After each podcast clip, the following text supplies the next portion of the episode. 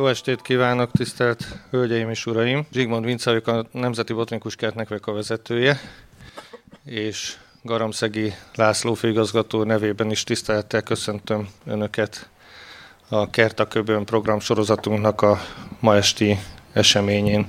Olyan gazdag ez a gyűjtemény, hogy nehéz olyan témát mondani, amihez ne tudnánk valahogy milyen módon növényt kapcsolni. A mai témához igazából viszonylag könnyű a dolog. Azt ugyan nem tudom elmondani, hogy itt lenne sárkányfogvetemény, mert azt reméljük, hogy nincs. De sárkányfű, meg sárkányfa például van. Több növényt is neveznek sárkányfűnek a magyar nyelvben. Ebből az egyiket szinte biztos, hogy mindenki ismeri, mert ez a tárkony. A tárkonynak a latin neve Artemisia dracunculus, tehát a sárkányhoz kötődik. Bevallom, hogy a többi pontos ö, eredetét, hogy miért is e a sárkányról kapta a nevét, azt nem tudom, de meg utána fogok nézni. A másik ö, a növény, amivel szinte biztos, hogy mindenki találkozott már, csak esetleg nem tudta, az a sárkányfa. A sárkányfának jó pár faja van, az egyik legismertebb az a Kanári-szigeteken élő Dracéna drák, ami nagyon karakteres, ilyen ernyőszerű tömött koronája van, de a dracénák közül több ismert szobanövény is van, tehát szinte biztos, hogy mindenki látta már és találkozott vele. Sokáig a sárkány az egyértelműen negatív figuraként jelenített ö, meg, tüzet okádott, rémséges volt, ha János Vitéz sárkányára gondolunk, vagy mondjuk a sárkányölő Szent Györgyre, aki hát tudjuk hogy a sátánt szimbolizáló sárkányt döfile, akkor egyértelműen negatív figurákról, vagy figurákra gondolunk, vagy szereplőkre. De aztán nem kell messzire menni, így országon belül is volt egy Csukás István, aki konszolidálta a sárkányt, és Süsüt megalkotta, aki hát már tüzet igazán, vagy lángot semmiképpen nem okád, inkább csak szikrákat és füstöt az orrán keresztül, és egy barátságos, kedves figurává formálta. Ez a gondolat most már kicsit szorosabban a mai este nagy dilemmájához köthető talán, hogy, hogy igazából um, hogyan olvad vagy olvasszuk fel tudatosan vagy tudattalanul a negatív és a pozitív, vagy az egyértelműen negatív és egyértelműen pozitív közötti határokat. Én két évtizedet állatkertben dolgoztam. Ehhez kötődően engedjenek meg végezetül egy kis tanulságos történetet, hogy az állatkertekben az elmúlt évtizedekben elindult egy trend, hogy nem egyetlen állatfajt mutatnak be egy kifutóban vagy bemutatóban, hanem megpróbálják az állatokat társítani. Ennek több haszna is van. A Jászberény állatkertben kipróbálták azt, hogy medvét és farkas tartottak egy kifutóban. És itt a kooperációhoz fogunk kapcsolódni.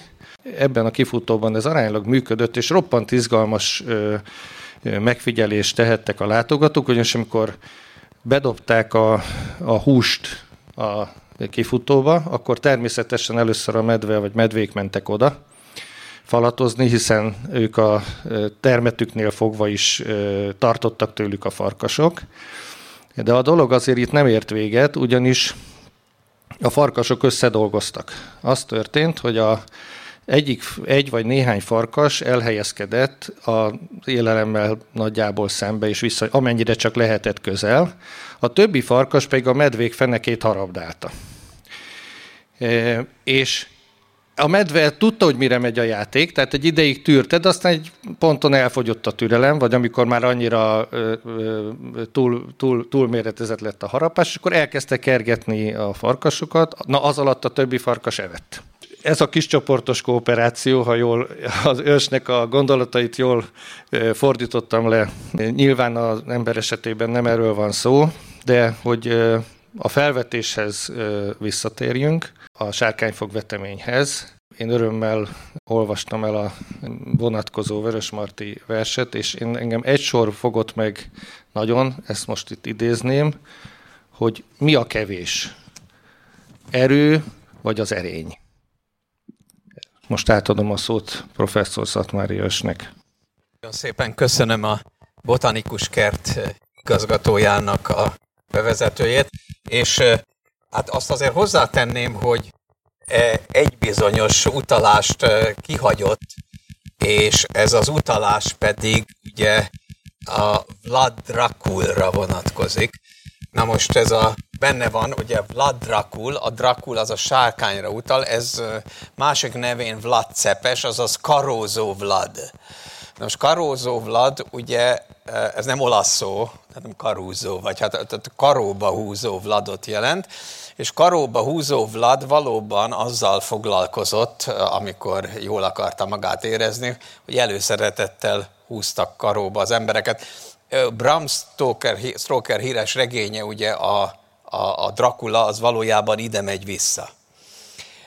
Kérem szépen, a Drakul melléknevet pedig onnan kapta, hogy tagja volt az úgynevezett sárkány lovagrendnek, egészen pontosan sárkányos társaságnak volt, ez egy nagyon magas arisztokratikus rangot jelent, és ugye az egyetlen mentség az volt, hogy eléggé hatékonyan tudott a török ellen harcolni. Nincs vége a történetnek, mert van egy nagyon nagy tanulsága, ami abszolút kapcsolódik a kooperáció kérdéséhez is, hogy mit gondolunk akkor az emberről. Tehát Vlad Dracul, ugye egy jelentősebb ütközet után, a, ahol győzelmet aratott a törökök felett, akkor megrendezte azt, ha már botanikus kertben vagyunk, amit úgy hívnak, hogy Dracula kertje. És Dracula kertje az úgy nézett ki, hogy tessék elképzelni ilyen fenyőket, meg hasonlókat, és akkor a, azokat mind egyszerűen lesorjázták, tehát gyakorlatilag az erdőből ilyen karó rengeteget alakítottak ki, és mindegyikre az, annak rendje és módja szerint felhúztak egy törököt, és karóba húzták. Tehát ugye vigyázni kell a számokkal ilyen botrányos esetek esetében, de itt azért ezer szám az a minimum. Tehát azonban mindenki meg egy leg, több ezer embert húztak karóba Dudaszó mellett. Még mindig nincs vége a történetnek. Most tessék figyelni, amikor a szultán erről értesült, ugye azt gondolta volna az ember, hogy hatalmas felháborodásat. Nem. Azt mondta, hogy az anyja mindenit. Érdekes ember ez a, ez a, ez a, ez a Vlad Dracul. Az egyetlen baj az, hogy nincs elég pénze. Tehát ez volt a török uralkodó egyetlen megjegyzése arra, hogy több ezer saját katonáját bestiálisan kivégezték. Tehát, e, ugye, mint csebben a tenger, ugye itt mindenféle dolog megmutatkozik. A hadseregeken belüli nagyon szoros együttműködés. Vlad Drakul kétségtelenül vasfegyelmet tartotta saját seregében, és tagadhatatlanul ütőképes volt. Na de amikor a kooperációról beszélünk, akkor tényleg ez lebeg a szemünk előtt? Azért talán nem ez a legjobb példa, de határozottan ugye egy erős példa arra. Erős példa arra, hogy a különböző szinteken máshogy tekintenek az emberek ugyanarra a jelenségre. Az, akinek a rokonátot karóba húzták, az nyilván máshogy tekintett erre, mint a török szultán, akinek a pikírt megjegyzését az előbb hallhattuk. Na most a kooperáció, ugye mindenki, aki itt ül, gyakorlatilag elnézést kérek, az állatvilágnak is tagja, bennünket is beleértve. A kooperáció problémája az gyakorlatilag olyan idős, mint az élet maga. Egy könyv, bizonyos könyvnek a recenziója azzal a címmel látott napvilágot 97-ben, hogy együttműködés az élet kezdete óta. Na ez nagyon érdekes. Tudnélik, amikor az evolúcióról beszélünk, akkor az első, ami eszébe jut az embereknek, az a létért való küzdelem, a legrátermettebb túlélése, ugye a survival, stb. De természetesen ez egy fontos szempont, és ez az, ahonnan a folyamatok általában indulnak. De azt egészen biztosan tudjuk, hogy nem érnek itt véget, mert hogyha a kooperáció az evolúcióban újra és újra nem jelent volna meg méghozzá győzedelmes erőként, akkor nem, hogy mi nem lennénk itt, a mai baktériumok se léteznének. Na, ez ugye nem nyilvánvaló, hogy ez, ez adott esetben mondjuk a darwini masinéria működése szempontjából miért éri meg. E, nagyjából két dolgot ismerünk, aztán befejezem a bevezetőt. Nagyjából kétfajta mechanizmus ismerünk, ami a biológiában elterjedt. Az egyik az úgynevezett rokon szelekció, az angol terminológiával kin selection, ami azt jelenti, hogy adott esetben szívesen lemondok a saját reprodukciómról, hogyha egy rokonom az olyan hatékonysággal tud szaporodni, hogy ez nekem megérje, mert ő is részben az én génjeimet fogja terjeszteni.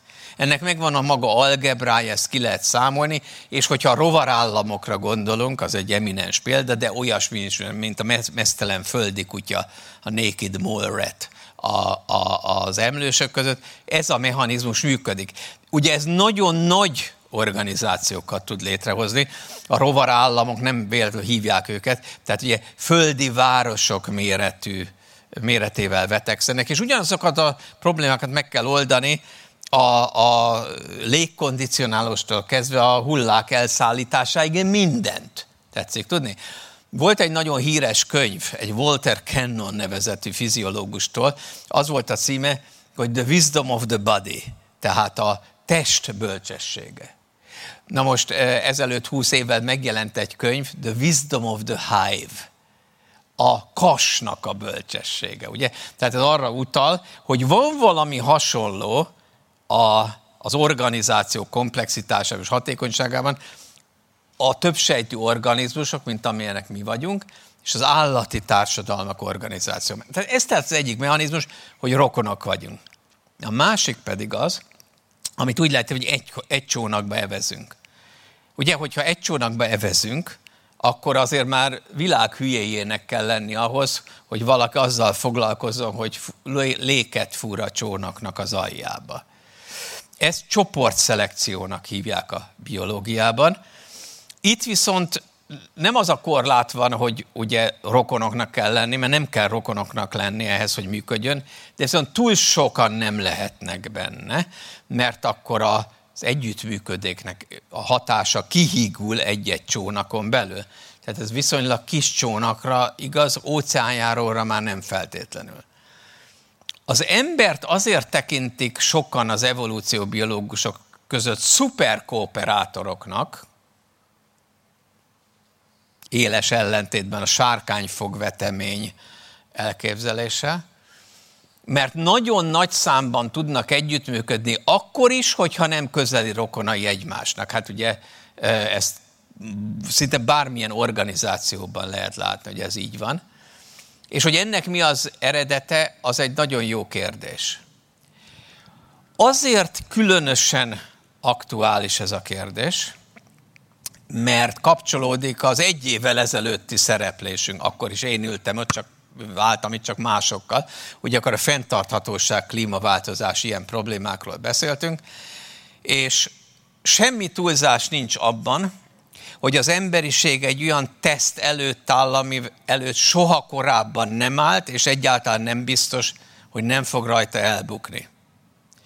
Azt szoktam mondani, hogy azoknak a problémáknak, amelyek most égetők, vagy együttműködő megoldása lesz, a legkülönbözőbb szinteken, vagy nem lesz megoldása. Nem lesz megoldása, az általunk ismert civilizáció végét fogja jelenteni, akár néhány évtizeden belül. Nagyon nagy a tét. Nos, kérem szépen, e, azért hívtam össze a kedves kollégáimat a különböző szakterületekről, hogy erről beszélgessünk. Hát ugye nyilvánvalóan én már ezből is következő evolúció biológus vagyok, én a, ennek a kutatóközpontnak van egy evolúciótudományi intézete Budapesten, Csillebércen, ahol a KFK-i telep van, és annak a kutató professzora vagyok, és amúgy civilként vagy kutatóként azzal foglalkozom, az elmúlt négy milliárd év során milyen szerveződési szintek, szintek jöttek létre a biológiában, és miért. És ugye visszacsatolva, ezek nem jöttek volna létre, hogyha bizonyos esetekben legalábbis a kooperáció nem sikeres. Na most tanult kollégáimat arra fogom kérni, hogy néhány szóban maguk is mutassák be magukat, és innen kezdem, majd kínosan ügyelek arra, hogy arányosan legyünk eh, elosztva időátlagban és sorrendben, de akkor Attila. Köszönöm Részes. szépen, Pók Attila vagyok, történész vagyok, pályámnak a legnagyobb részét a Történettudományi Intézetben töltöttem, ahonnan sokfelé kirándultam, de közel öt évtizeden át az volt mindig a bázisom. A kutatási területem az elsősorban a 19. század második felé és 20. századi eszmetörténet, gondolkodástörténet engem mindig az érdekelt legjobban, nagyon leegyszerűsítve, hogy a gondolatból hogyan lesz politikai erő, és egy politikai erő hogyan formálhat gondolatokat. Ha megengedi az ős, akkor egy rövid gondolatmenetet itt az elején rögtön eleresztek kapcsolódva az ő megnyitójához. Amikor a modern történettudomány elkezdődött, ez az 1820-as, 30-as évek, egy Leopold von Ranke nevű kiváló német történész, aki a porosz állam nagy dicsőítője volt, alakította ki a szakma mai, máig érvényes szabályait, a forráskritikát, a szemináriumokat, egyáltalán a szakma belső ö, kohézióját és ő szerinte a legfontosabb probléma a történelemben az volt, hogy a különböző államok hogyan működnek együtt, vagy nem működnek együtt. Ez volt, és a legfontosabb dokumentumok ehhez a diplomáciai jelentések, nagykövetek, diplomatáktól hátrahagyott dokumentumok. Tehát az aktorok, akiknek együtt kellett működni, azok a, az államok voltak. Ha nem működnek együtt, akkor baj van, akkor válságok vannak. Ha együtt működnek, akkor szépen mennek előre a dolgok. No de a egyre inkább a 19. század vége felé már nem csak az államok, hanem az emberek, a társadalomnak a működése kezdte foglalkoztatni a történészeket, a a gazdaságtörténet, a társadalom legkülönböző rétegei közötti viszonyok története, és fokozatosan egyre ment tovább az ember élet különböző rétegei felé, az eszmetörténet felé, és ma már ott tartunk, hogy a, az ember és az állat viszonya, az ember és a globális problémák viszonya és a planetáris történet, ezek az alapkérdések. Tehát, hogyha az emberek a környezet megvédésében, a, plané- a planéta fenntartásában tudnak együttműködni, akkor szerencse van, ha nem, akkor baj van. Na most a probléma az történés szempontból, vagy társadalmi szempontból, hogy melyek azok az entitások, amiknek együtt kell működni. Tehát amikor mondjuk Szegfű Gyula megírta a magyar államéletrajzát, ő még annak a híve volt, még az első világháború hogy valahogy az államok között kell kialakítani együttműködést. A marxisták úgy gondolták, hogy ilyet nem nagyon lehet kialakítani, mert ugye konfliktusok, a történelem osztályharcok története, tehát nagyon nehéz, legfőjebb a világ proletárjai, ha egyesülnek, akkor majd szépen őket az együttműködésnek egy ideális formáját kialakulják. Mások azt mondjuk egy Szabó István nevű történész, vagy a Májusz elemér, meg a népség, tehát a különböző népeknek, nemzeteknek kell különböző konszenzus találni. Tehát amikor az ős azt mondja, hogy meg kell találni az együttműködés formáját, egy történész, egy társadalmi szemben, az, hogy kik lesznek azok az egységek, akiknek meg kell találni az együttműködést. Igen, én Plécs Abba vagyok, pszichológus és nyelvész. Most két dolgot szeretnék nagyon röviden mondani ős kiváló bevezetéséhez. A sok minden mellett én pszichológia történettel is foglalkozom. Nagyon érdekes volt, hogy ős kiemelte a darwini gondolatmenet versengési és túlélési összetevőjét, és furcsa és izgalmas dolog a, az eszmetörténetben, hogy nem sokkal Darwin után kialakult egy párhuzamos másik megfogalmazása az élővilág fejlődésének egy később hírhedetten nagy nevűvé vált, akkoriban zoológus és földrajztudós Kropotkin munkájában. És Kropotkint abból a szempontból elemzik eteki, csak ebben a tekintetben, most nem beszélek arról, hogy mi lett aztán az ő anarchizmusa, stb., hogy az eszmetörténészek azt szokták mondani, hogy Darwin és Wallace, amikor a,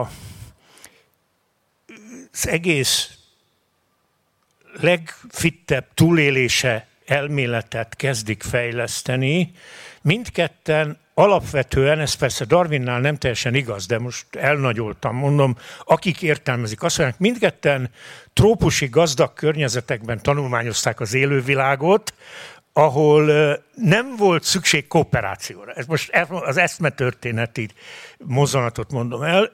Kropotkin viszont Észak-Kelet-Szibériában dolgozott. Ott, mint földrajztudós, ő fedezte fel, hogy bizonyos dolgok, amit jégnek tartottak, valójában szárazföld, stb.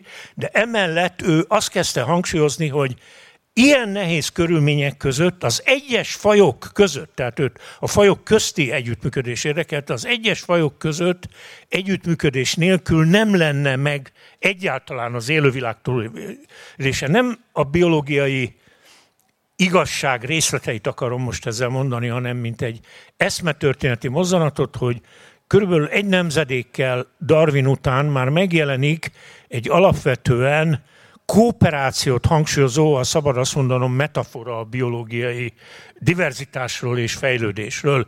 És aztán ennek különböző, ha már Kropotkint említem, érdekes módon orosz és magyar vonatkozása is vannak. Ugyanezt mondja egy nemzedékkel később Mesnyikov az immunrendszerből kiindulva, és nagyon hasonlókat mond a 20-as években Magyarországon Huzella Tivadar. Nagyon hasonlókat az általános biológia könyveiben. Tehát a biológiában magában is felmerült ez. Ez volt az egyik oldalon mondani, a másik arra majd sokszor visszatérek. Attila említette, hogy kik az együttműködők. Ez egy nagyon visszatérő, izgalmas mozzanat a történész számára. A pszichológus számára meg nagyon izgalmas mozzanat, hogy vajon más hasonló állatokkal összehasonlítva mi mindenben jelenik meg az a szuperkooperatív természete az embernek, amiről Örs beszél. És most csak egy példát mutatok csecsemőkutatásokból, majd később fogok másokat is mondani.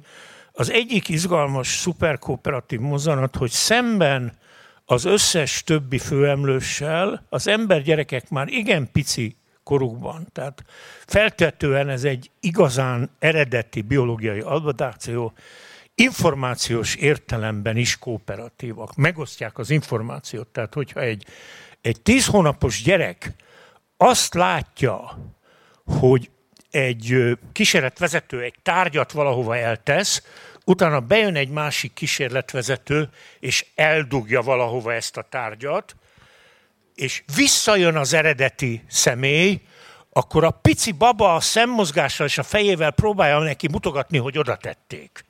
Tíz hónapos korában. És ez abszolút ismeretlen csimpánzoknál, meg minden rokonunknál. Tehát maga az információs kooperativitás. Engem Cseperi Györgynek hívnak, és a kérdésfeltevés, amit most már többen körbejártak, engem nagyon mélyen mondhatnám, eh, egzisztenciálisan érint, ugyanis amikor elkezdtem a pályámat a 70-es évek elején, akkor egy olyan kísérletet eh, csináltam Nyugat-Németországban, aminek eh, pontosan ez volt a veleje. Nevezetesen mesterségesen hoztak létre, hoztunk létre csoportokat, képzelt csoportokat, találomra, X-nek és Y-nak nevezve őket, és utána egy Matrix segítségével, akik egyébként nem tudták személyesen, hogy kik is oda, a két csoport elkezdte e, pénzt, elkezdte a rendelkezésre álló pénzt szétosztani, és különfajta alternatívákra volt lehetőség. Az egyik volt a fair alternatíva, amikor a csoportok úgy döntött, hogy az én csoportom ugyanannyit kapjon, mint a másik. Ez nem volt egy túl népszerű alternatíva. Volt a másik alternatíva, amikor úgy dönthetett a csoportok, hogy összességében a két csoport nagyon sok pénzt kapjon, de tulajdonképpen a saját csoport az kevesebbet kapott ebbe az esetben, mint a másik. És a harmadik alternatíva meg az volt, hogy, hogy a saját csoport kapott a legtöbbet, a másik csoport kevesebbet, de a két csoport együttesen kevesebbet kapott, mint a, a maximális haszon esetében. És a kísérlet eredménye, ezt többen megismételték, eredetileg Henry Tasfel találta ki magát a dizájnt, az, az volt, hogy, hogy azt választották, hogy a saját csoport többet kapja, mint a másik. Tehát, hogy ne, ne, az együtt, ne az együttes haszon legyen a meghatározó szempont, hanem a saját csoportnak haszna. Még akkor is, hogyha ez a saját csoport haszna összehasonlítva a lehetséges maximumhoz képest, ez kisebb volt. Tehát itt egy, egy versengés épült bele a kísérletbe, ahol tulajdonképpen senki nem ismert senkit. És ebből épült ki aztán az én egész életművem, ha úgy tetszik, a csoportközi viszonyok tanulmányozása, mert én ezt a fajta poézist, amit az előbb hallottunk a kooperáció himnuszaként, ezt kevéssé tapasztaltam. Ugyanis az én témám az, az előítélet, megkülönböztetés, konfliktus, tehát kicsit a Herakleitoszi paradigma, hogy a háború mindenek istenek, mindenek istene és mindenek királya, és ilyen értelemben véve ez a versengés, konfliktus, harc, ez az, ami az én témámban újra meg újra visszatért, mint amikor bekötözünk egy sebet, és akkor a, fölfeslik a, a seb, és, és, és bevérzi a kötést. Ez lenne a, az egyik hozzátételem a jelenlegi témához, a jelenlegi felvetéshez. A másik viszont a, megint csak egy kísérlet, az Arnozon kísérlete, aminek kapcsán az őrssel dolgoztunk is együtt, az az volt, hogy, hogy ott különfajta hovatartozású, most nem használom ezt a szót, mert, mert konnotációkra adna lehetőséget, különböző fai hovatartozású gyerekek vettek részt a kísérletben, akik nem nagyon kedvelték egymást, ugye a már emlegetett csoportközi paradigmának megfelelően, de rá voltak kényszerítve a kooperációra egy meghatározott technika segítségével, és a, a, a fél év végére a kooperáció eredményeként a különböző uh, hovatartozású gyerekek elkezdték megkedvelni egymást, és tulajdonképpen már nem, volt szám, nem, nem számított, hogy, hogy ki milyen uh, hovatartozású, hogy fekete, vagy sárga, uh, vagy fehér, tehát ilyen értelemben véve személyközi viszonyok alakultak a csoportközi viszonyok. Tehát a kooperációnak nagyon jó hatása volt, de viszont a csoportközi szinten megmaradt az előítetesség. Tehát a Jim az egy nagyon helyes fiú volt a kínai eh, gyereknek a szemébe, de ettől még az a csoport, ahonnan a Jim származott, az változatlanul negatívan volt megítélve.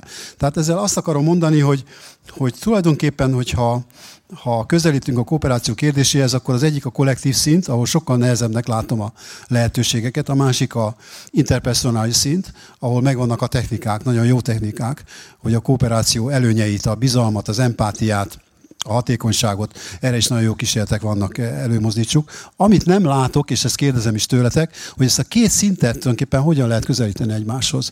Tehát hogyan lehet ezt az evolúciós örökségként, mert ez egy evolúciós örökség, hogy a hordát ugye a kínszelekció értelmében előnyben részesítem a, a külcsoporttal szemben, a másik hordával szemben. Tehát ez a testvérféle kísérletnek tulajdonképpen az evolúciós előzménye szerintem. De hogy ezt hogyan lehet, eh, hogyan lehet eh, egyrészt úgy átalakítani, hogy, hogy egyre, egyre nőjön azoknak a, egyre nagyobb legyen azoknak a csoportoknak a létszáma, amelyen belül a kooperáció, mint lehetőség valóra válik, ez egyik dolog, de még fontosabb dolog, hogy a, az interpersonális kooperációnak a jótékony hatását hogyan lehet transferálni csoportközi szintre. Mert jelenleg úgy látom, hogy a csoportközi szint az meglehetősen erős. Ugye látjuk az ukrán-orosz konfliktust, korábban ott nem volt ilyen típusú konfliktus. Én, én nagyon gyakran voltam még fiatal koromban az úgynevezett Szovjetunióban. És a jelét sem láttam ennek az ukrán-orosz dolognak, és ugyanez volt egyébként Jugoszláviában, és látjuk, hogy a csoportközi szint egyszerűen métejként be tudja magát fészkelni, a, akár még a hálószobákba is, és szét tud szakítani házastársi kapcsolatokat. Tehát azt látjuk, hogy a csoportközi viszony hogyan szedi szét a személyközi viszonyt. De hogy a személyközi viszonyt hogy lehet átalakítani, fölépíteni úgy, hogy a csoportközi viszonyban a bizalom és az együttműködés és az empátia az, az kamatozzon, változzon, ez egy másik kérdés. Lehet, hogy az Európai Unió története tulajdonképpen ezen fog múlni. Nagyon szépen köszönöm ezeket a kis bemutatkozásokat, és hát mindegyik egy-egy vita indító volt. Most én egy picit visszamegyek a, a gyökereinkhez, aztán ezzel akarom provokálni a kedves kollégákat. Tehát ugye van a, ezt sokan ismerjük mindenféle olvasmányokban, a nemes vadember mítosza.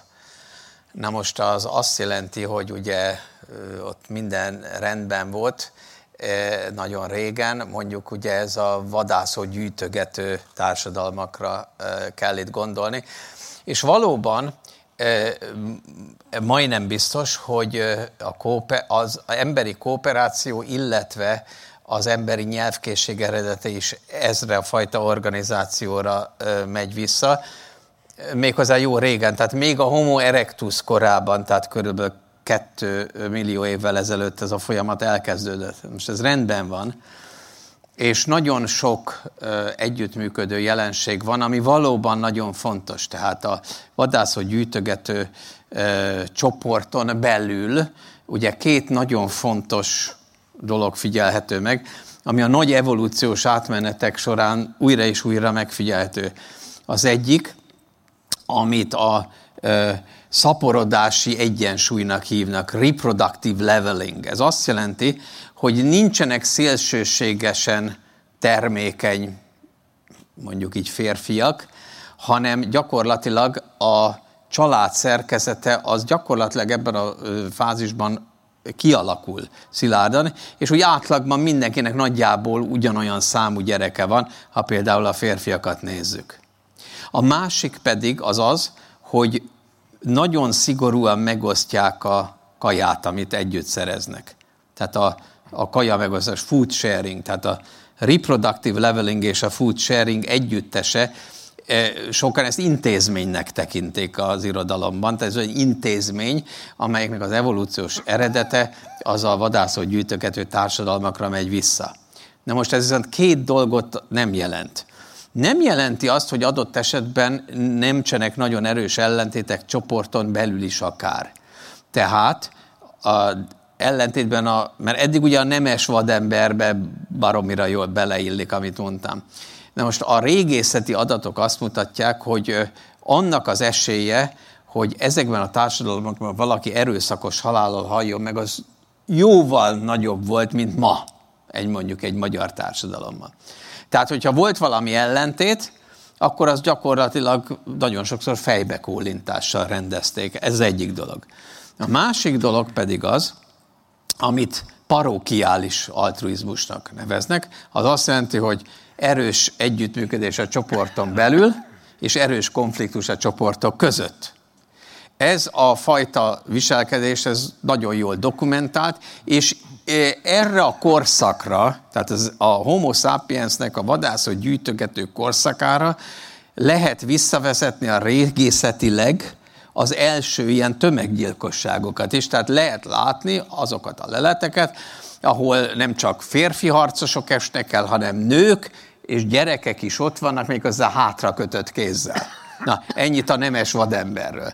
Tehát nyilvánvalóan az, hogy egy ilyen csoport sikeres legyen, ez még egy homo erectus örökség, az nagyon komoly kooperációra van szükség, ahhoz, hogy megvalósuljon az, hogy hatékonyan tudjanak a, a, a, ugye a ne, emberi és nem emberi versenytársak ellen küzdeni.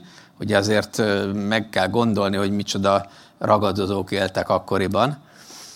Ez az egyik dolog. A másik dolog pedig az, hogy ugye a, a másikkal adott esetben nem csak hölgyeket cserélünk, ugye, ez egy régi, tud, régi társadalom szerkezet, ahol a hölgyek egy része a csoportok között cserélődött, ez jól dokumentálható, hanem hogy bizony itt a háború csírái is megjelennek, pontosan ugyanebben az időszakban, csak ugye sokkal kisebb egyetszámot tartalmaznak.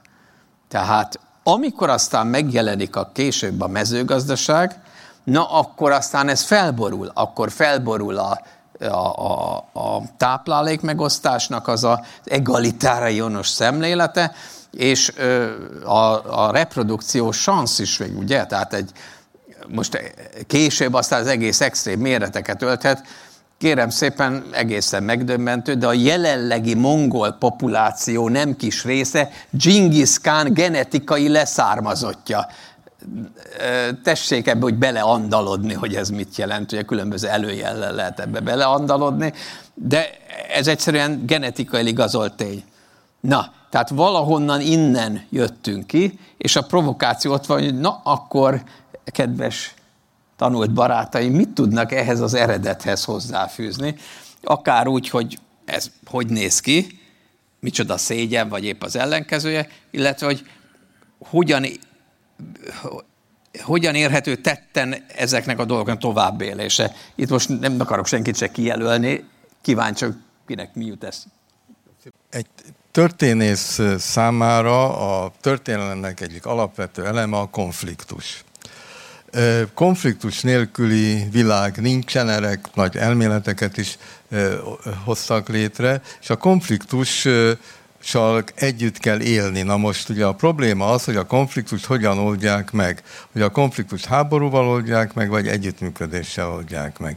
De itt az együttműködés és a háború nagyon sokszor találkozik, hiszen ahhoz, hogy a másikat megsemmisítsem, az egyik csoporttal kell nagyon intenzíven együttműködnem. De ez az együttműködés is, ugye egy történészvizsgálata szempontjából is minimálisan kétfajta. Vagy ahogy a bevezetve elhangzott egy felülről oktrojált, szigorúan hierarchikus együttműködés, vagy pedig egy alulról épülő együttműködés, amit azonban a különböző érdekviszonyok szétverhetnek.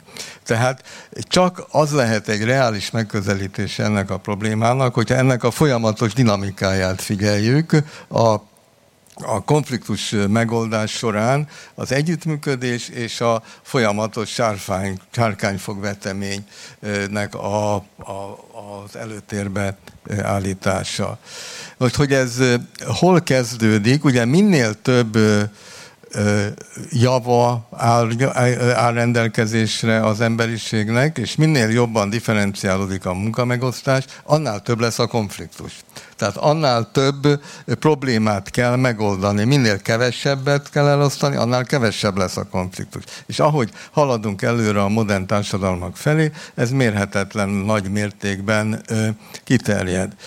Na most még egy kiegészítő megjegyzést. Itt ugye a, a bevezet, a legelső bevezetben elhangzott, hogy milyen érdekes, hogy hogyan lesz a durva medvéből egy aranyos kis süsű, vagy sárkányból aranyos süsű. De az igazi probléma az, hogy a, a süsű sárkányból hogy lesz a durva medve. Tehát, hogy hogyan lesz a, a kedves kooperatív csecsemőből mikor és hogyan válik agresszív felnőtt. És ugye ez, a, amit a tudós barátaim sokkal jobban ismerik, a nature and nurture probléma, ugye, hogy mi az, ami bennünk van mélyen, és mi az, ami a mindenkori körülmények szerint alakul. Nagyon jól tudjuk, hogyha ugyanabban a közösségben vagyunk X környezetben, vagy egy Y környezetben mások az interpersonális viszonyok és a csoportdinamika. Ehhez a nature-nurture problémához szólnék hozzá először, és ez kapcsolódik ahhoz is, amit Csepeli György mondott a, a in-group, out-group, szóval a mi csoportunk és a más csoport, hogy a, ha már a csecsemőket emlegettem, nagyon érdekes, hogy a mai csecsemő kutatások, elsősorban Susan Spelke kutatásai elkezdték azt vizsgálni, hogy milyen tényezők alapján tekint a pici gyerek, tényleg csecsemőkről van szó, utána meg kicsit nagyobb gyerekekről, valakit idegennek. És egy elég megdöbbentő dolgot találtak, olyan országokban, és utána ezt megismételték Dél-Amerikába, stb., mert először mindenki azt mondta, hogy ez az amerikai tévéhatás, meg kanadai, meg minden. Szóval a 8-10 hónapos gyerekeket egyáltalán nem érdekli, hogy valaki fekete vagy fehérbőrű kínai, vagy bárhogy nézhet ki egy dolog érdekli, hogyan beszél. Az idegen akcentusú az más csoport. Tehát uh, Susan Spelke volt legjobban megdöbbenve ezen. Ő pszicholingvista, és azt akartam mondani, hogy a nyelv kulturális. Úgy tűnik, hogy evolúciósan mi ahhoz voltunk hozzászokva, pár vagy mondjuk százezer évvel ezelőtt, hogyha máshogy beszélnek, azok mások. De nem igen találkoztunk, gondoljátok azt, hogy nem igen találkoztunk olyan emberekkel a mezőgazdaság meg egyébek előtt, akik más színűek, meg kinézetűek voltak, de máshogy beszéltek. Ezt tudjuk jól, hogy nagyon kicsi nyelv, mondjuk a mai világban új Géneában lehet tanulmányozni, ugye a jelenleg beszélt nyelvek több mint 50%-át új beszélik. Még. Igen, mert minden egyes faluközösség más nyelvet beszél. Tehát ez egy nagyon érdekes, hogy a mi és a más, de most ezen egy kicsit tovább mennék, mert én nem vagyok Szóval amellett, hogy van a mi és más megkülönböztetés, és Csepeli György említette, hogy nagyon érdekes, hogy ez hogy terjedhet ki, mekkora lehet a mi csoport, és ebből a szempontból én egy, egy nagyon fontos olyan mozzanatra is szeretnék utalni, ami összekapcsolódik a ős emlegette mezőgazdasági forradalommal valahol 15 ezer évvel ezelőtt, hogy nagyon ugye úgy szoktuk elképzelni ezeket a klánokat, törzseket, mit tudom én, hogy ezek viszonylag kicsiny csoportok voltak, és alapvetően a, a, az emberek hosszú tízezer éven keresztül olyan világban éltek, ahol mindenkit ismertek, ezt akarom mondani, akit mindenkit ismertek.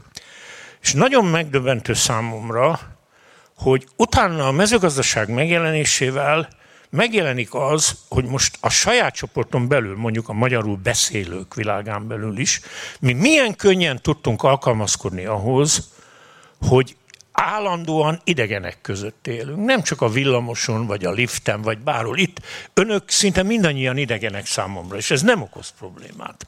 Tehát maga az, az egy nagyon izgalmas kérdés, hogy ugye az etológia hagyományosan azt gondolt, hogy az ember ilyen ősi, izé, főnökös, meg hierarchikus, meg ilyen-olyan, és személyes ismeretségen alapuló, de bocsánat, hogy ilyen anekdotikus vagyok, annak idején Csányi Vili ezt állandóan képviselte és előadta, és Szentágotai, az anatómus figyelmeztette, hogy de Vili, ha ez így van, akkor abban a pillanatban, ahol a mezőgazdasági termelés elég nagy lett, hogyan lehet, hogy az emberek százezres méretű városokat hoztak létre? Néhány évszázad alatt. Hogy lehet? Mi az, ami az idegen toleranciát eredményez? Én nem tudom ezt feloldani, csak úgy gondolom, hogy magába az úgynevezett emberi természetbe ben kell egy lehetőség. Hát tudunk sok, szóval sok mindent tudunk mondani, hogy mi az előnye az idegeneknek a nagyvárosnak. Például a párválasztásban sokkal nagyobb kínálat van, például a véletlen akcidens információs szerzésekben, sok mindent, de minden esetre magát azt a problémát, hogy a legtágabban értelmezett mi csoport világán belül mi állandóan idegenekkel vagyunk interakcióban, ezt is valahol meg kell oldanunk. Hát igen, pont ez a lényeg, ott folytatnám, ahol a Csaba abba hagyta, ugye a kulcot nem mondtam el a saját expozémban, de most akkor elmondom. Az egy identitás. Tehát az identitás az, ami voltak éppen oldja azt a fajta idegenséget, amit már Heidegger úgy, úgy jellemez, hogy hátborzongató idegenség. Mert valljuk be, abszolút idegenként születünk bele a világba, fogalmunk sincs, hogy miért, fogalmunk sincs, hogy, hogy tulajdonképpen miért pont mi, és miért pont oda, és ugyanilyen idegenül halunk meg. Tehát a két idegenség között van azért egy társadalmi élet, életünk, és a társadalmi életünknek a kulcs mozzanata az identitás, mert az ad választ erre a szörnyű kérdésre. Erre a hátborzongató idegenséget, a identitást ugye eloszlatni, és az identitás azért nagyon érdekes dolog, mert ugye identitás volt a hordában, identitás volt a középkorban, a rendi társadalomban, a kapitalizmusban, most a posztmodernben is van identitás, de ezek mind más-más minőségi identitások a szónak abban az értelmében, hogy más és más az a kör, amelyen belül felfüggesztjük ezt a fajta természetes gyanakvást, ami bennünk él az idegenekkel szemben. Tehát én ezért önökkel szemben nem azért nem érzem magamat idegennek, mert, mert olyan vakon megbízok bárkiben is, hanem tudom, hogy van egy közös identitásunk. Ráadásul ez az identitás ez sokdimenziós, mert nem csak a nemzeti, hanem egyéb szempont szempontok alapján is tagolhat. Tehát a kiutat egyfelől ebben a többes identitásban látom, és Magyarországnak mindig azok voltak a sikeres periódusai, amikor ezek az identitások, vallási, osztály, nemzeti eh, identitások, ezek, ezek megfértek egymással, és voltak éppen egymást gazdagították. Ezzel választottam arra a kérdésre, amit múltkor föltettem, hogy a csoportközi viszony az hogyan tud megnemesülni, és hogyan tud az a sárkány megszelidülni. A másik dolog viszont az identitás kapcsán az, hogy Hát igen, nevelés nélkül ez nem megy. És valószínűleg a nyelvnek van egy nagyon fontos szerepe, de a szokásnak ugyanilyen fontos szerepe van. Tehát az, hogy az egyes identitások más és más szokásokat kondicionálnak, más és más a természetes ennek következtében az már önmagában egy súródást vált ki azért nem szoktak sikeresek lenni feltétlenül azok a házasságok, ahol különböző osztályból származók, vagy különböző felekezetből, vagy nemzetből származók, mert mondjuk összevesznek azon, hogy, a, hogy mi legyen a fogpasztával. Mert az egyik, egyik csoportban az a természetes, még voltak régen ezek a fogpaszták, hogy föl kellett őket tekercselni gazdaságosan, hogy egy csepp sem menjen kárba. A másik meg össze-vissza nyomkodta, mint például én. És ebből minden reggel egy konfliktus keletkezhet, mert más és más a magától értetődő. Tehát azt hiszem, hogy a nevelésnek ennek iszonyatos szerepe van ebben a dologban, a reflexiónak, a tudatosságnak, és ilyen szempontból tényleg egyetlen egy tőkénk van, és az a, az a gyereksereg. Folytathatom? Köszönöm szépen. Ugye a Csaba fölvetette a, a, a nyelv problémát, közelebb hoz, vagy eltávolít egymástól a nyelv, és hogy hogyan döntenek az emberek úgy, hogy nagyobb csoportokban élnek együtt. Na most itt egy meghatározó elem a víz a vízhez való hozzáférhetőség a történelem formálásában. Tehát akkor, hogyha ugye a folyók hosszúak, plusz ugye meg keresztezik egymást, és akkor ugye ezt valahogy meg kell oldani ezt a problémát, hogy mindenki valamilyen módon hozzájusson. A folyót használhatjuk a, meg a forrásokat, a, a ivóvíz forrásokat sok mindenre, például kereskedelemre, mert akkor nekünk ez igaz. És ebből kialakul az együttműködésnek egy nagyon fontos formája, ami nagyobb településeket is hoz létre.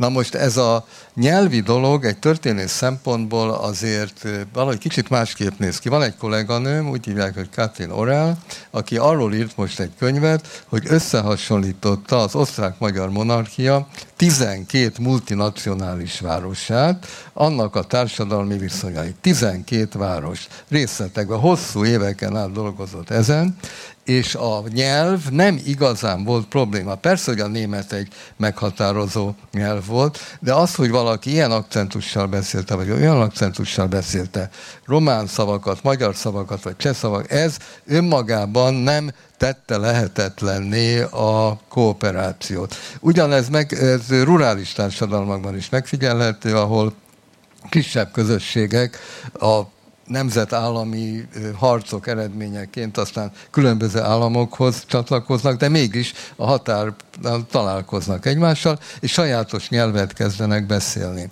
Tehát ez, hogy alapszavakat megosztunk egymással, ez, ez a kooperációnak is, nem csak az eltávolodásnak lehet az eleme. Két dolog jut eszembe amiről meg szeretném kérdezni a véleményeteket. Az egyik egy nagyon érdekes tudománytörténeti mozzanat. A, a biológiai kooperáció elméletéhez egy fontos hozzájárulást tett egy úr, akit úgy hívnak, hogy George Price. George Price valójában nem biológus volt, hanem matematikával és fizikával foglalkozott eredetileg, és a Manhattan programban, tehát az atombomba elkészítésében, ami egyébként egy egészen kivételesen kooperatív mutatvány volt. Annak is nagyon érdekes a története, hogy egy katonai vezetője, és volt ugye Oppenheimer személyében egy tudományos vezetője.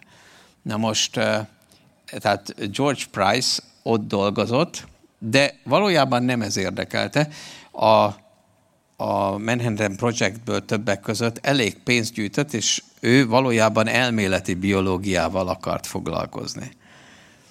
És rájött arra, ami akkor igaz volt, hogy abból a pénzből, amit Amerikában összeszedett, Angliában hosszabb ideig fogja munkanélkül kihúzni, nem azt jelenti, hogy nem akar dolgozni, hanem nem akar semmiféle hivatalos elkötelezettséget magának.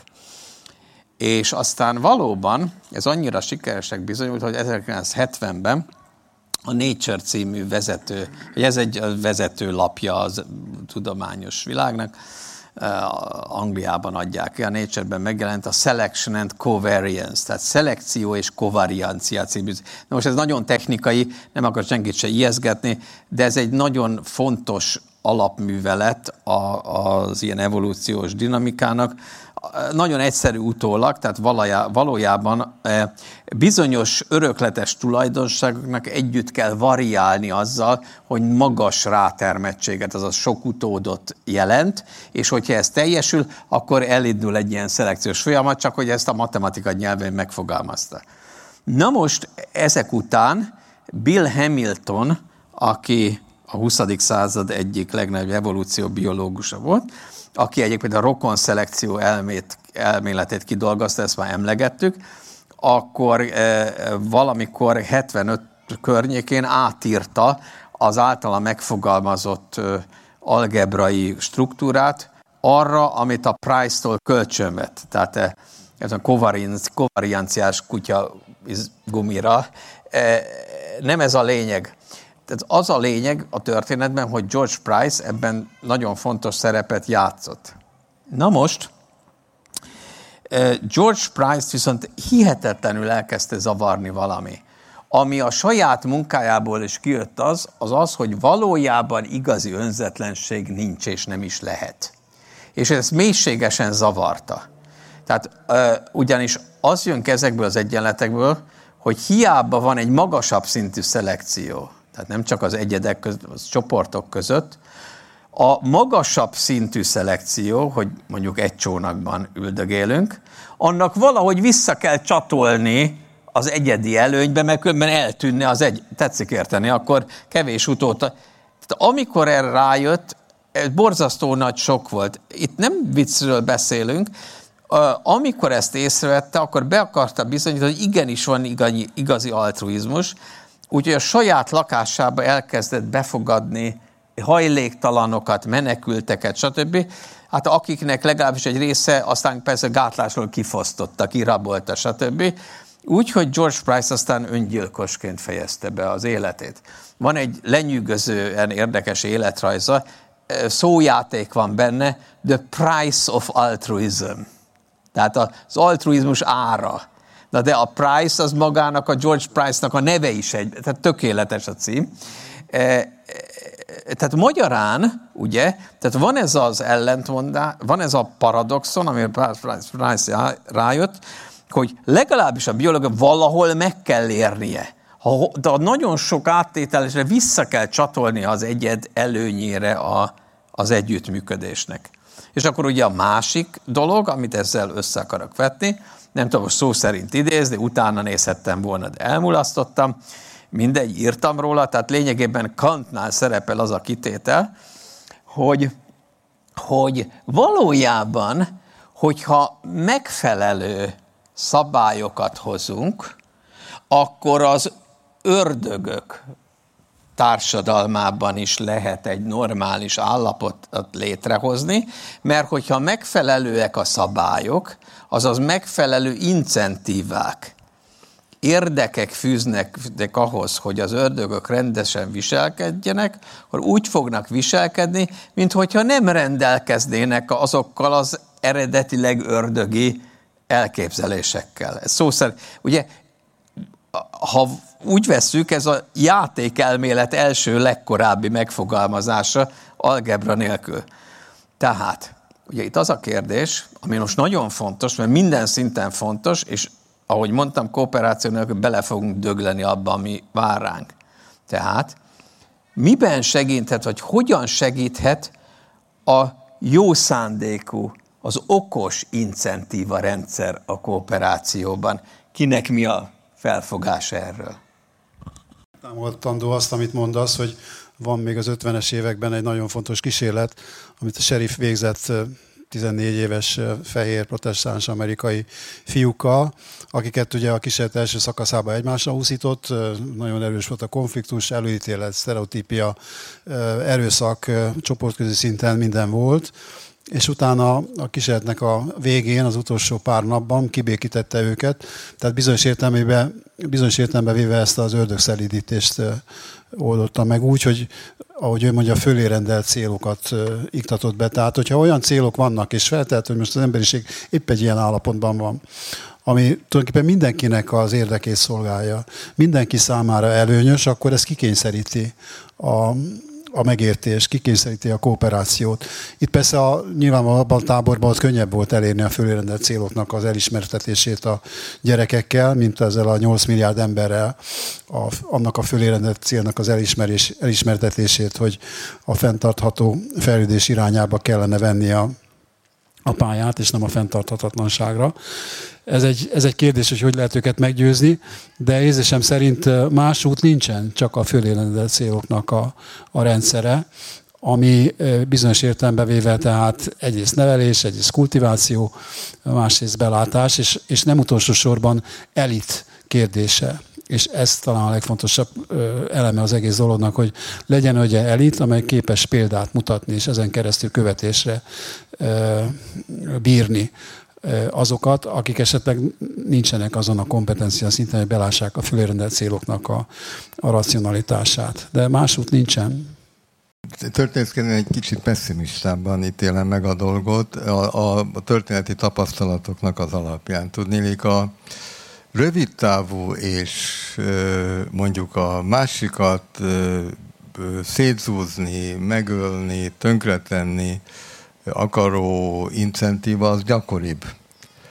Tehát a negatív cél érdekében a tapasztalat azt mutatja, hogy nagyon könnyű mobilizálni. Tehát amikor olyan értelemben negatív cél, hogy destruktív, tehát valamit megsemmisíteni kell, és nem feltétlenül felépíteni. Ugyanakkor a természeti katasztrófák kapcsán lehet inkább nem politikai konfliktusok, hanem természeti katasztrófák kapcsán lehet megdöbbentően ö, ö, imponáló együttműködéseket találni. Gondoljunk a nagy árvizekre, földrengésekre, stb. stb. De azoknak olyan nyilvánvaló a hatása, hogy ez kikényszeríti az együttműködést. A hosszú távú együttműködést, azt a, a strukturált társadalmi lét, az nem tudja igazán belátni, mert ugye rövid távú célok, meg kell nyerni a választást, ezt el kell végezni, stb. stb.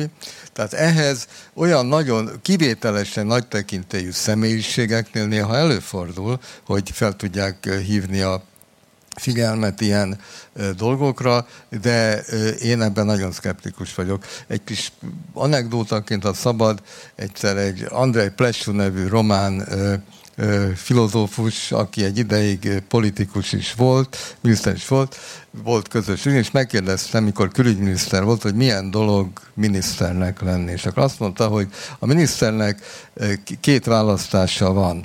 Vagy nagyon ügyes ördögökkel dolgozik, vagy impotens angyalokkal.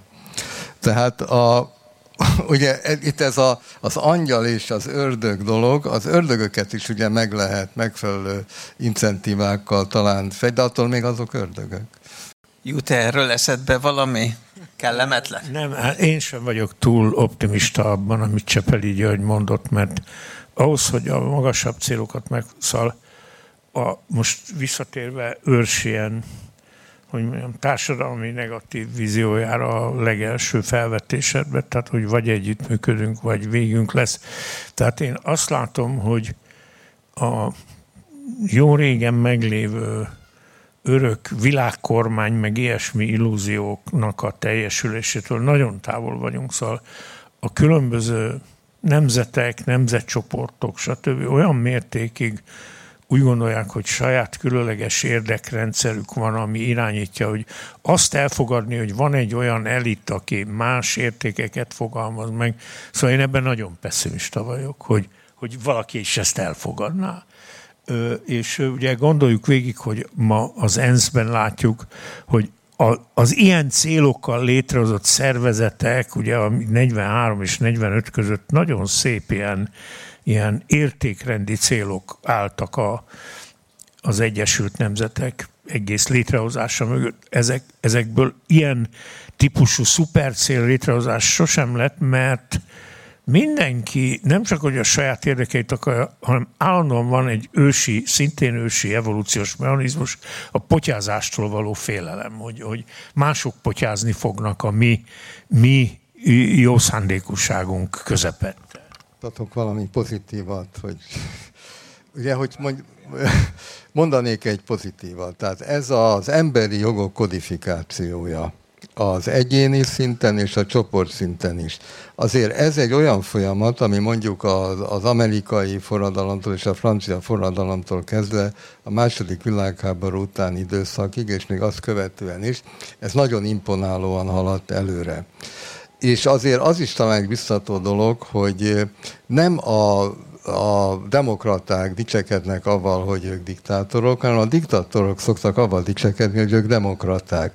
Tehát a demokráciának azért maradt valamilyen presztízse, akárhogyan is definiáljuk a demokratikus rendet, csak ennek az a problémája, hogy a döntéshozatali folyamatok azok rettenetesen elhúzódnak. Viszont a nagyon nagy tragédiák, tehát mint például a második világháború, azért hozta létre az, az ENSZ-et, miután az első világháború meg a Népszövetséget. Tehát, hogyha most agy, manifesté válik tényleg a, a válság, ami egyébként az, az elképzelhető, hogy kialakít valami, ha nem is az ENSZ, hanem valamilyen más, esetleg egy ö, nagyformátumú független személyiségek kezdeményezésére valamilyen előremutató együttműködés. Egyensúlyozzam a Tulajdonképpen egy pozitív példát akarnék felhozni, hogy itt volt ez a Covid járvány, és ennek voltak mindenfajta retetesen előítetes, meg negatív társadalmi korrelátumai, de végül is fantasztikus volt az a az a gyorsasága, hogy megtalálták nem is egy, hanem több megoldását a, a vírus legyőzésének. És ha volt is ellenállás, de lényegében véve láttunk valamit, amire korábban nem gondolhatunk, hogy létre lehet hozni kooperáció ö, útján egy olyan ellenszert, ami ezt a, ezt a nagyszabású Covid járványt meg tudta gátolni. Én ezt egy nagyon fontos dolognak tartom, és ezt még ki kéne elemezni, hogy konkrétan tulajdonképpen hogyan is zajlott. Minden ellentámadás ellenére. Ez valóban így van, és egy valamit szeretnék helyreigazítani a ilyen keringő legendákból, hogy félreértés ne essék, a tudományt nem érte váratlanul a Covid megjelenése a tudományt azért te váratlanul, hogy csak most következett be, és nem korábban. Ezt szeretném nagyon határozottan leszögezni. Két oka van annak, amiért a járványveszély növekszik, azt hiszem erről beszéltünk egy évvel ezelőtt. Az egyik a globalizáció, az, hogy az áruk és az emberek is össze-vissza mászkálnak.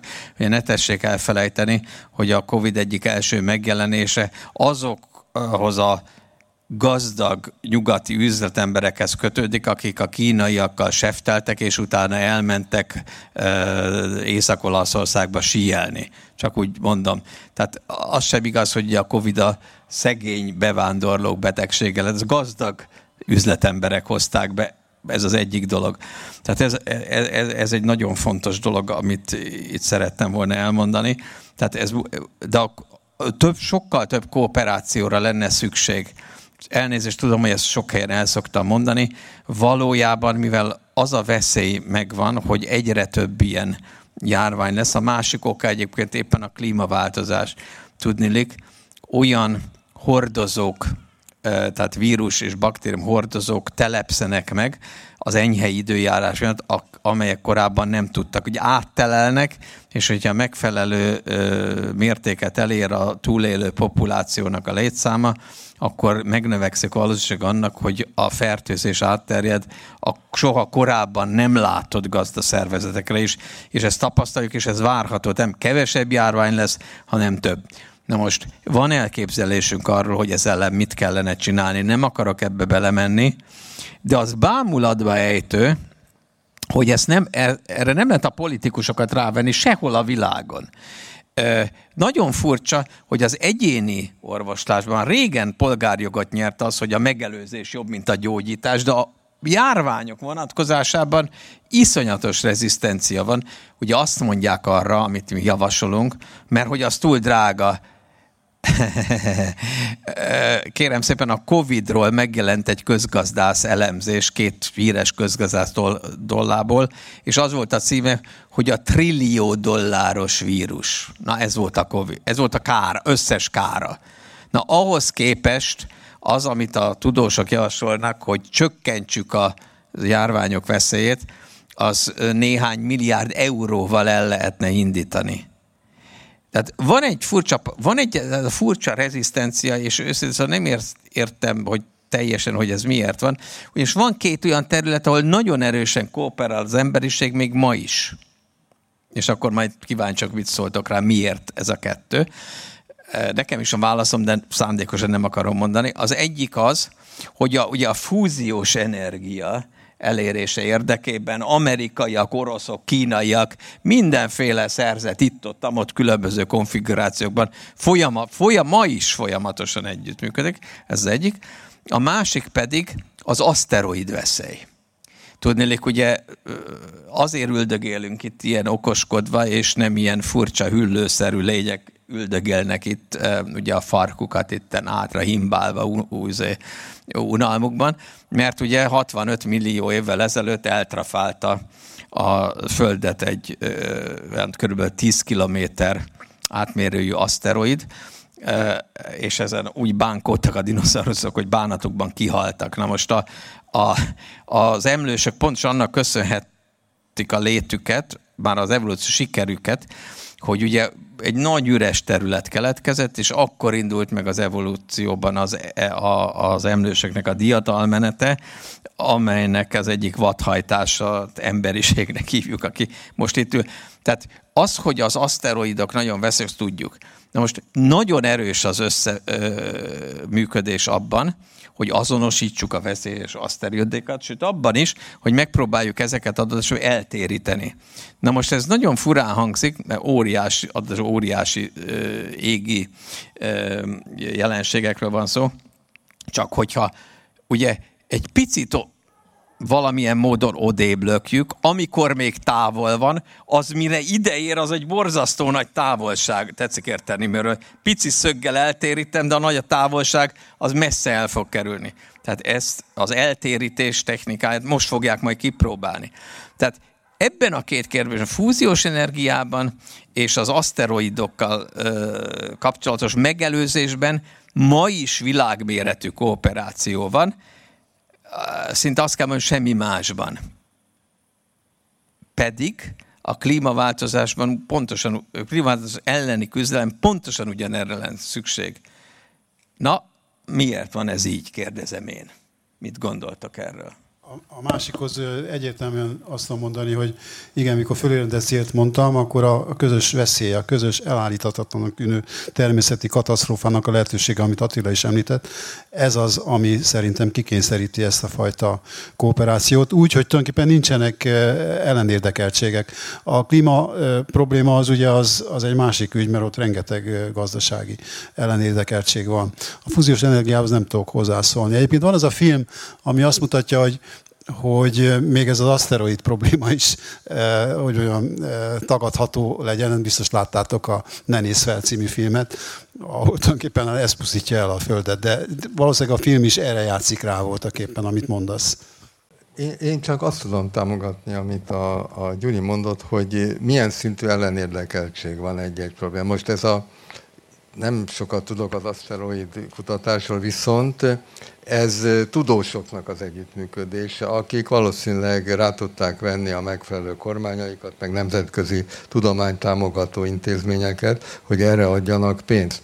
Én szerintem, ha a biztonsági tanácsban kellett volna ezt megvitatni, akkor ott biztos nem jutottak volna arra az eredménye, hogy erre mondjuk az ENSZ biztosítson egy keretet. Ezért nagyon jó, hogy a tudománynak vannak ilyen nagy, és a szerencsére a tudósokra bízott pénzosztó szervei. És a, a fúziós energia is, hát ott végül is mindenkinek szüksége van energiára.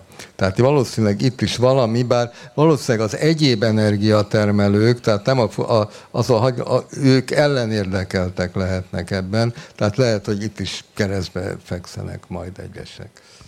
Olyan pessimista voltam, hogy most kénytelen vagyok valami optimista dolgot is mondani, hogy érdekes módon együttműködés egyébként nagyon ellenérdekelt országok között. 56 és 58 között volt a, az akkor a mi nemzedékünket Gyurival írtó gyermekbénulással kapcsolatban az első gyermekbénulási vakcinát olyan veszélyesnek tartották, hogy nem engedték meg az Egyesült Államokba kipróbálni, és együttműködve Leningrádban próbálták ki másfél millió oroszon. És ennek köszönhettük, hogy megmenekültünk. És ez akkor volt az 56-os forradalom után, ahol a legélesebb volt a hidegháború az amerikaiak és oroszok között. Ha már 56-ot szóba hoztad, mondjuk a Nehéz a magyar történelemben az egyértelmű és világos együttműködésre példákat hozni. Viszont 56-nak van egy ilyen tanulsága, hogy amikor ez ritkán fordul elő a történelemben, hogy teljesen szétporlad egy korábban nagyon erősnek tűnő központi hatalom, és a társadalomnak nincs más választása, mint hogy megszervezze magát és a társadalom képes volt, ha nem is hosszú ideig, de megmutatta azt az erejét, hogy meg tud önmagában is lenni, és ki tudna alakítani új struktúrákat. De még a magyar törzsben ehhez kicsit kapcsolódik egy ritkábban emlegetett időszak, ez mondjuk a második világháború utolsó szakasza, Kelet-Magyarországon 44-45, akkor nagyon sok olyan település volt, ahol gyakran változott, hogy a németek voltak, ott az oroszok voltak, ott aztán meg nem németek, és ugye most sok helyen ebből lehet egy egymás ölése, de nagyon sok helyen a társadalom, a, a lokális társadalmak kialakították a túlélési stratégiákat. Közben ránéztem az órára, hát nyilvánvalóan besötétedett, úgyhogy én már én csak a lámpákat látom, ez nagyon érdekes dolog, mint a színészek a színpadon gondolom. Um, végezetül felszeretik vetni egy páros kérdést, amiben azért meg kell mondjam, hogy magam hát elég tanácsalan vagyok. Tényleg azt gondolom, hogy nagyon fontos lenne az, hogy az emberiség bizonyos kritikus kérdésekben együttműködjön méghozzá gyorsan. Ez nagyon fontos. Az időfaktor az, ami igazán szorít minket mostanában. Tehát nincs egy évszázad gatyázásra való idő, ezt akarom finoman kifejezni. És van két dilemmám. Az egyik dilemma a következő. Valaki már emlegette a négy éves ciklusokat, az nem te voltál éppen, mint történész. És tessék a következőbe belegondolni, ugye, hogy ezt szoktam karikírozza mondani, ugye, ha megválasztanak egy kormányt, főleg újólag, akkor ugye, tehát még nem voltak korábban kormány, régen voltak kormányon, akkor az első évben a WC-t keresik a minisztériumban. Akkor a második évben megnézik, hogy na, az ígéretekből mi tartható be, mi nem. Harmadik évben valamit ebből megcsinálnak, negyedik évben Jézus Mária nyakunkon a választás. Nem tűnik olyan nagyon hatékonynak, igaz-e? Tehát ez önmagában egy kérdést vet föl. A másik kérdés viszont a következő. Ugye, hogy gondoljunk bele, hogy Luxemburgi Zsigmond fél évszázadig ült a trónon. Na most ez azt jelenti, hogy ha ő valamit elcseszett, akkor nagy valószínűleg neki kellett megoldani. Ugye, hát ő maga szembesült vele. Itt pedig a négy éves ciklusok mindig benne van az, hogy hát igen, reménykedünk abban, hogy újra, de ha nem, akkor azért gyorsan ö, ö, még megpróbáljuk, amit lehet, aztán elkezd, elhelyezünk egy-két tankcsapdát a következőnek, igen ám, csak hogy olyan kérdésekben kell együttműködni, vagy kellene együttműködni az emberiségnek a következő néhány évtizedben, ami jelentősen túlmegy a négy éves ciklusokon. És nem értem, hogy ezt hogy a fenébe lehet hatékonyan, meg tényleg nem értem. Ez egyik kérdés. A másik kérdés a következő. Ugye a bevezetőben említettük, ami egyébként igaz is, hogy Darwin szemléletében tényleg befolyásolta az a szabadversenyes kapitalizmus, körülvette, de valójában, visszatérve az eszmetörténeti szösszenetre, valójában Darwin azt is leírta, aztán később, hogyha megnézzük, hogy kik voltak hosszú távon sikeresek akár az ember, akár az állatvilágban, két dolog szükséges volt hozzá, az innovációs képesség és a hatékony együttműködés. Tehát ugye jó, tehát Darwin nagyon érdekes volt, Darwin az a fajta kutató volt, aki állandó iterált, újra és újra visszatért ugyanazokhoz a kérdésekhez, és folyamatosan, abszolút nem volt dogmatikus, újra és újra felvetette ezeket a kérdéseket. Na most, ugye, tehát a kompetíciós elem ott van, hát az, ugye az egész kapitalista társadalom lényegében a kompetíció krédójára épül. Természetesen mindenféle kooperációs körök vannak, vannak ugye, ugye a munkamegosztás miatt óvatatlanul van egy kooperációs jelenség, aztán kartelek már nem feltétlenül olyan jó kooperációt alakítani, az is létező jelenség. Na most jön a meredek mondat, mindenkitől elnézést kérek, aztán majd szabadkozom egy kicsit. Tehát ö, ezt nem mondtam, de ugye most hivatalból, tehát hivatásos aggódó vagyok, mert a, az akadémián a fenntartató fejlődés elnöki bizottságnak vagyok a vezetője.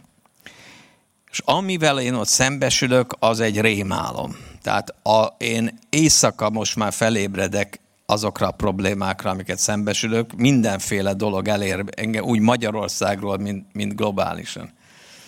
És arra jöttem rá, hogy úgy, ahogy ismerjük a kapitalizmus, mint olyan fenntarthatatlan. Nagyon sajnálom, hogy ezt mondom, tudom, hogy borzalmasan hangzik. Azért hangzik borzalmasan, mert egy olyan társadalomban, ahol megéltük azt a kísérletet, amelyik a kapitalizmus ellenében akart valamit csinálni, az csúfos kudarccal ért véget. Magyarán még a kérdés is diszkreditálva, fel se lehet vetni, de ez nem követ, ez egy non sequitur. Abból, hogy a kommunista kísérlet megbukott, az nem jelent két dolgot. Nem jelenti azt, hogy a kapitalizmus jelenleg jó, és azt se jelenti, hogy nincs következő, nincs egy olyan módosulat, ami még jobb a jelenlegi kapitalizmusnál. A kapitalizmus addig volt jó ötlet, ami két dolog fennállt, hogy a világ kvázi végtelennek tűnt, és mindig lehetett valakit kizsákmányolni. Vagy az országon belül, vagy pedig a nyomorult indiókat, a nyámnyámokat Afrikában. Na, a föld összezsugorodott, senki se szereti, hogy kizsákmányolják, nagyon-nagyon el, nagy ellenállás van ennek, viszont a kapzsiság ott van, a fogyasztói társadalom ott van. Elképesztő sebességgel dobjuk ki a javainkat, és pörgetjük a gazdaságot, és ez oda vezet, hogy most már ugye a fél év sem kell ahhoz, hogy elérjük a természeti erőforrások az évre kiszignált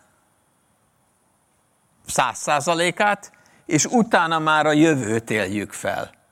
A jövő nemzedéknek a kontójára éldegélünk itt, jól vagy rosszul. Na, tehát két nagyon nagy problémát látok. Nem látom, hogy a négy éves választási ciklusokra berendezkedett demokratikus váltógazda, politikai váltógazdaság hogyan fog ezekkel a problémákkal megbírkozni, ez egyik probléma.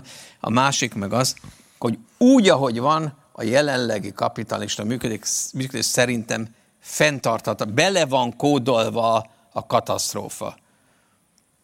És nem tudom, hogy mi a válasz. Imád, imádom ezt a két kérdést. A, szerintem a két kérdés voltak éppen egy mert a, helyzet az, hogy, hogy a kapitalizmus ahhoz, hogy működjön, ahhoz kell demokrácia, ahhoz, hogy a demokrácia működjön, ahhoz kell kapitalizmus. A kérdés az, hogy milyen kapitalizmus. Tehát érzésem szerint egy kicsit előítetesen ítélted meg a kapitalizmust, a legrosszabb típust általánosítottad, mert nagyon sokféle kapitalizmus van, és érzésem szerint ebből a dilemából egyetlen egy út vezet, ez egy nagyon fájdalmas, és nagyon nehézkes, és nagyon, hogy mondjam, lehet, hogy utopikus út. Ez maga az az, az ember, aki ezekben a társadalmakban demokratikus és megszelítített kapitalista társadalomban, szociáldemokrata módon megszelített kapitalista társadalomban él.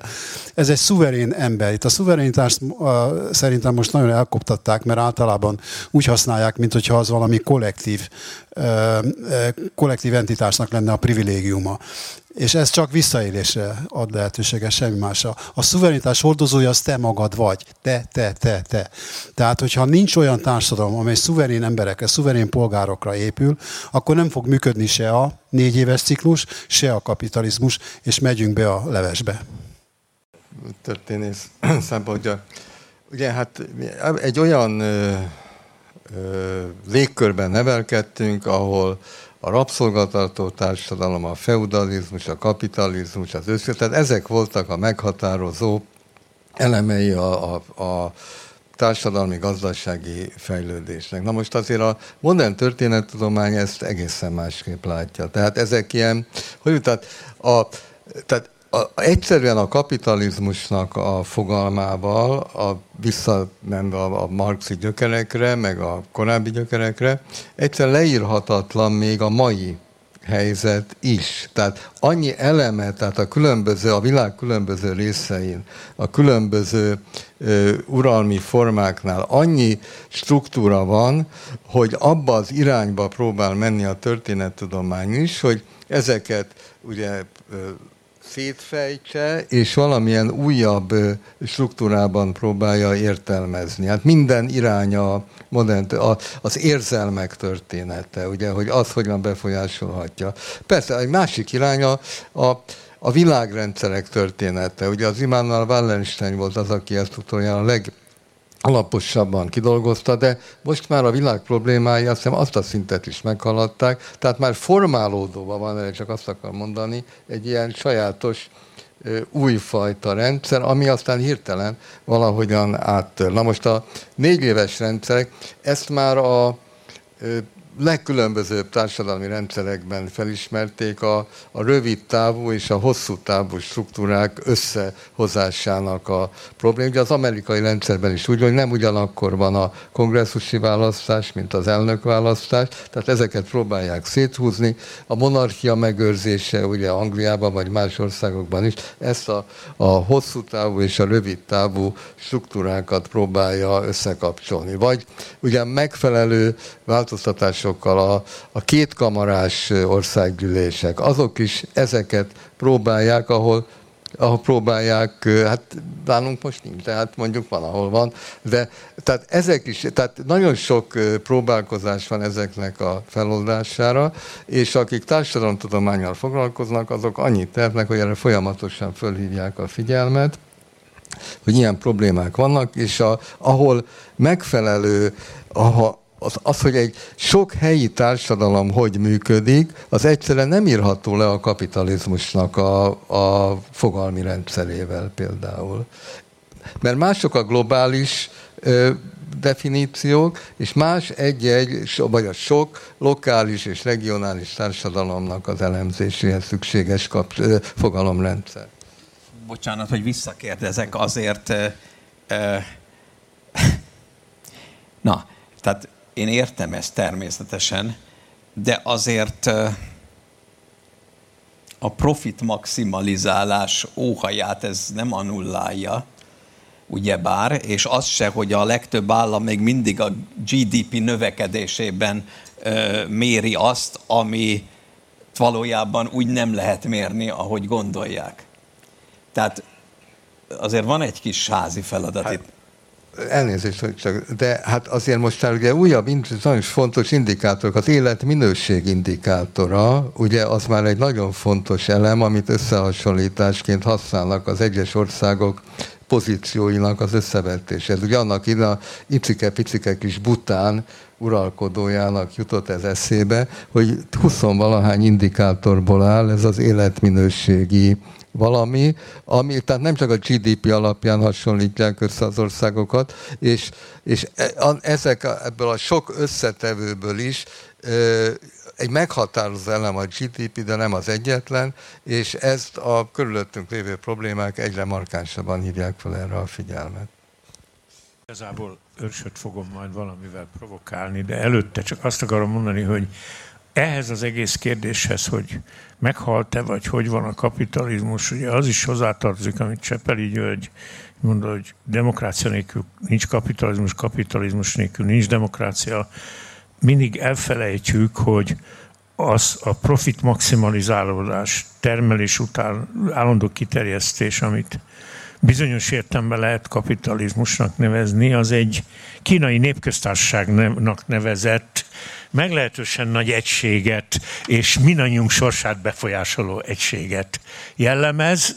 Na de a, szóval a provokáció őrsnek az, hogy többször visszatért el arra, hogy viszonylag mennyire kisebb költség lenne a társadalmaknak, vagy államoknak, de talán inkább a társadalmaknak szembenézni a klímaváltozás kérdéseivel, és a tudósok ajánlata. Mondjál már valamit erről a tudós ajánlatta. Szóval mi az, ami csak pár száz milliárdba kerülne sok egyéb dologgal szembe? Tehát, hogy mit, mit gondolsz te, mint pozitív dolgot a, a klíma fenyegetéssel kapcsolatos teendőkre? utazzunk kevesebbet, vagy mit csináljunk? Hát nekem nagyon sok komponense van, amit szeretnék kiemelni ebből az az, hogy nem lehet megúszni a kérdés megoldását valamilyen lemondás nélkül. E, és ezt akarjuk megúszni általában. És mindenkinek valamiről le kell mondani, az egyénnek, a közösségről, országoknak és a globusnak. Ez nagyon, ez rettenetesen fontos. És ez egy nagyon nehéz kérdés, mert a tapasztalat az, hogy én hajlamosak vagyunk minden a másikra várni. Fölül, alul, a szomszéd, csak ne én. Majd, hogyha ő, majd, hogyha ez, majd, majd akkor talán én is. Na most, hogy itt egymást nézzük, ebből nagyon sok nem fog kijönni, főleg nem abban a kevés időben, ami azt hiszem, hogy rendelkezésre. Akiknek én hiszek, az alapján azt lehet mondani, hogy egy évtized, és valószínűleg most már nem is egy, hanem körülbelül kilenc év, a kilenc éven belül nem érünk el radikális változtatásokat, akkor hétbaj lesz, enyhén szólva. Ez egyik dolog. A másik dolog, hogy vannak természetesen konkrét, konkrét javaslatok, és ugye az egyik, most muszáj, muszáj visszatérni arra, hogy a klímaváltozás egyik kellemetlen következő az új betegségek, az új betegségeknek a megjelenésének a csillapítására, hogy ezt hogy kell csinálni, erre világos javaslat van. Ez bárki elolvashatja, úgy hívja, hogy DAMA protokoll, ez egy angol betűszó, Document Access Monitor Act, tehát dokumentálj, mérlegelj, mérlegelésre monitoroz, és a végén ugye ott van a cselekvés, ami már nem a, annyira tudósok, hanem a, az illető kormányok dolga lenne. És ez csak akkor működik hatékonyan globális, ugye, mert, mert határkerítésekkel nem állítjuk meg a kórokozókat, ugye, tehát ez a probléma, se a mexikóival, se a Magyarország, de, tehát, na, tehát akkor se történik se, vagy hát semmi lényegében, amikor pontosan tudom, hogy egész konkrét javaslat van. És e, itt látok egy, egy borzalmas nehézséget, egyébként természetesen igazad van, tehát a meg, tehát ne érezze senki sem magát találva, én nagyon elnézést kérek, de ez az állandó utazgatás, repülőgé, me, ettől meg lehet őrülni.